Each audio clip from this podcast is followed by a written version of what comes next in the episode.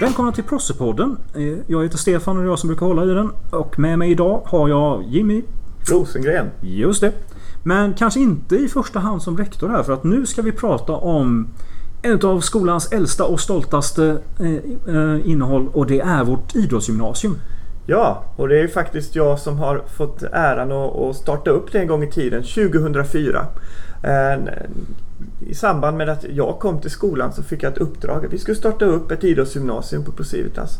Och eh, det gjorde vi då i samarbete egentligen med Malmö FF och eh, Malmö Kapsim. Mm. Och därifrån har det här programmet fått växa under de här 13 åren. Eh, och det, det har rört sig om eh, ett stort antal idrotter som har kommit och gått. Eh, vår bas har hela tiden varit fotboll, simning, simhopp eh, och sedan många år tillbaka också fäktning, judo. Eh, och vi har ju också sett att det här verkligen har fungerat. Så vi har ju fått eh, eh, kvitto på vår, eh, vår duglighet genom att eh, vi har ett stort antal elever som idag lever på sin idrott efter genomgången utbildning. Eh, elever och, och personer som, som ni idag ser på TV. Eh, som, som representerar Sverige och som representerar Procivitas ute i världen. Och det kan vara allt ifrån fotbollsproffs som Pontus Jansson till eh, golfstjärnor som Caroline Hedvall eller eh, olympiska silvermedaljöser som till exempel Elin Rubensson. Mm. Ja, nej, jag kan säga för oss som jobbar här, eh, idrottsgymnasiet märks. Det är lite speciellt när man kan upprop så här som man kan bryta av ibland så här. Kevin, här. Ja, just det. Du blev svensk mästare i helgen va? Ja. Och sen, ja, applåder. Ja, det är fantastiskt. Och det är faktiskt så att det handlar inte bara om idrottarnas framgång utan det handlar faktiskt om hur man är, hur man berikar vår skola. Mm. Det vill säga att i en skola där, där eh, ambitionsnivån är hög och eh, pressen är hög så kan idrottseleverna ibland på ett väldigt avslappnat sätt också eh, gå till attack mot, mot eh, sina mål eh, både med skola och eh, övrig verksamhet. På, kanske på sitt eget sätt. Ja. Lite yvigare ibland. För en viktig del utav den stolthet som skolan känner för idrottsprogrammet Det är ju den akademiska delen. Det, han, det är bara för att man har idrottsframgångar Så det räcker inte. Nej, så är det. Och, och vi ser ju att många av våra mest framgångsrika idrottselever de har ju också varit väldigt framgångsrika i, i sin skolgång. Och generellt sett kan man säga att det, när vi ser på vad våra idrottselever läser efter avslutade studier på Procivitas så är det högre utbildning, avancerade program och em, många har lyckats mycket väl efter sina studier. Mm. Det är ju ett samhällsprogram de läser. Det stämmer. Ja.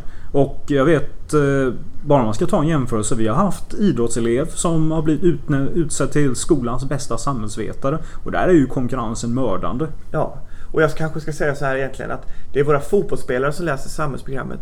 Övriga idrottare har faktiskt möjlighet att välja alla våra program. Just det, det stämmer. Vi har haft naturvetare och andra. Och ekonomer också. Och ekonomer. Precis. Ja. Om man säger här, vad händer under kanske både en skoldag och under ett skolår ifall du läser på idrottsgymnasiet? Ja, om man börjar med skoldagen så, så är det ju så att den är ju anpassad för att du ska göra en elitidrottssatsning. Så generellt sett så börjar du halv nio med träning. Är du simmare är ju det sent på dagen.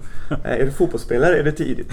Eh, om vi ska generalisera lite. Jamen. Eh, dagen påbörjas alltid alltså ute på ditt träningspass med din instruktör och dina klasskamrater inom samma idrott. Därefter så är det frukost på skolan och sen börjar skoldagen.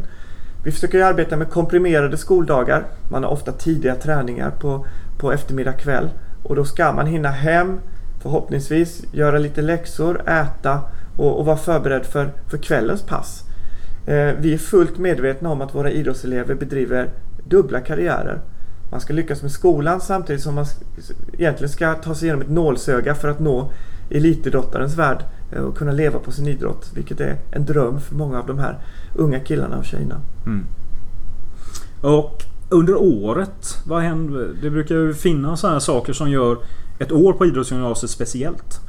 Det, ja, det, det är ju egentligen särskilt kanske när du ska in här, när du har provspelsomgångar i, i januari och ja, ibland också i december.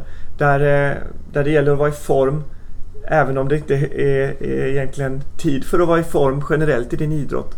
Men när du väl är inne på skolan så, så är det lite olika beroende på vilken idrott du sysslar med. Eh, där man har då mer hektiska perioder. Och där vi som skola går in och täcker upp Mm. och ser till att du får möjlighet att satsa eh, under en, en period lite extra hårt på din idrott med resor, läger, ibland är det landslagsuppdrag. Eh, och det ska vi parera Mm. och se till att man, eh, man man ska inte behöva ha med sig allt för mycket böcker i ryggsäcken när man sticker iväg. Man ska kunna fokusera på en sak i taget. Ja.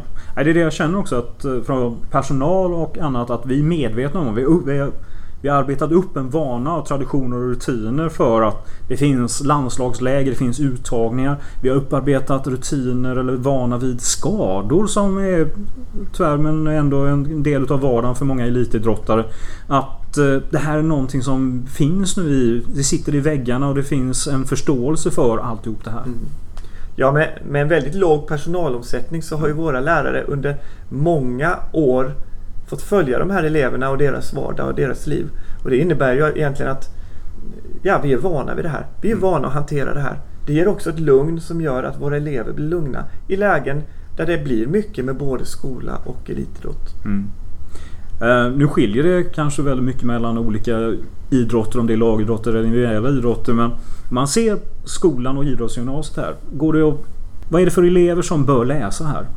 Eh, om du är intresserad av en elitidrottskarriär men också mån om att vara säker, ha hängslen och livrem och se till att du får satsa ordentligt men du får också en bra skolgång med elever som vill samma sak runt omkring dig. Då ska du välja oss. Vi kommer att, att eh, arbeta varje dag för att du ska ha bästa möjliga eh, egentligen ingång i, i vuxenlivet och elitidrottandet. Eh, samtidigt som du får en, en högklassig utbildning. Mm. Men jag tror det är viktigt att vara tydlig här med nivån. Att var bör man ligga någonstans? Om man säger att jag är jätteintresserad utav eh, fotboll eller någonting. Att man måste ändå ligga på en viss nivå för att det ska vara värt att söka Det stämmer. Mm. Här finns det ju nationella kriterier som förbunden ställer för vilka elever som bör erbjudas en nationell idrottsplats. Det kallas för nationellt godkänd idrottsutbildning. Och eh, de är tydliga och de kommunicerar vi också när man söker till oss. Eh, men det handlar ju om att man ska kunna bedriva idrott på, på elitnivå. Det vill säga att, att kunna eh, kvalificera sig för ett svenskt mästerskap. Eh, det kräver absolut inte att du ska vara en landslagsman eh, eller landslagskvinna redan från början. Men du ska ha någon form av potential. Någonting som, eh, som vi ser kan utvecklas. Mm. Och eh, man har möjlighet att se och uppleva idrottsprogrammet. Vi har både öppet hus och man kan skugga och följa bättre idrottselever här. Det stämmer gott det. Och många av, av er där ute som går i åttan och nian känner elever som går på skolan, har dem i klubben. Prata med dem, det går jättefint att hänga med. Komma hit och testa. Eh, smaka på vår frukost, smaka på vår fantastiska lunch. Eh, prata med lärarna om hur vi faktiskt arbetar för att se till att, att möjliggöra eh, de här dubbla karriärerna. Mm. Så sammanfattningsvis. Idrottsgymnasiet. Stor, viktig och stolt del av skolan.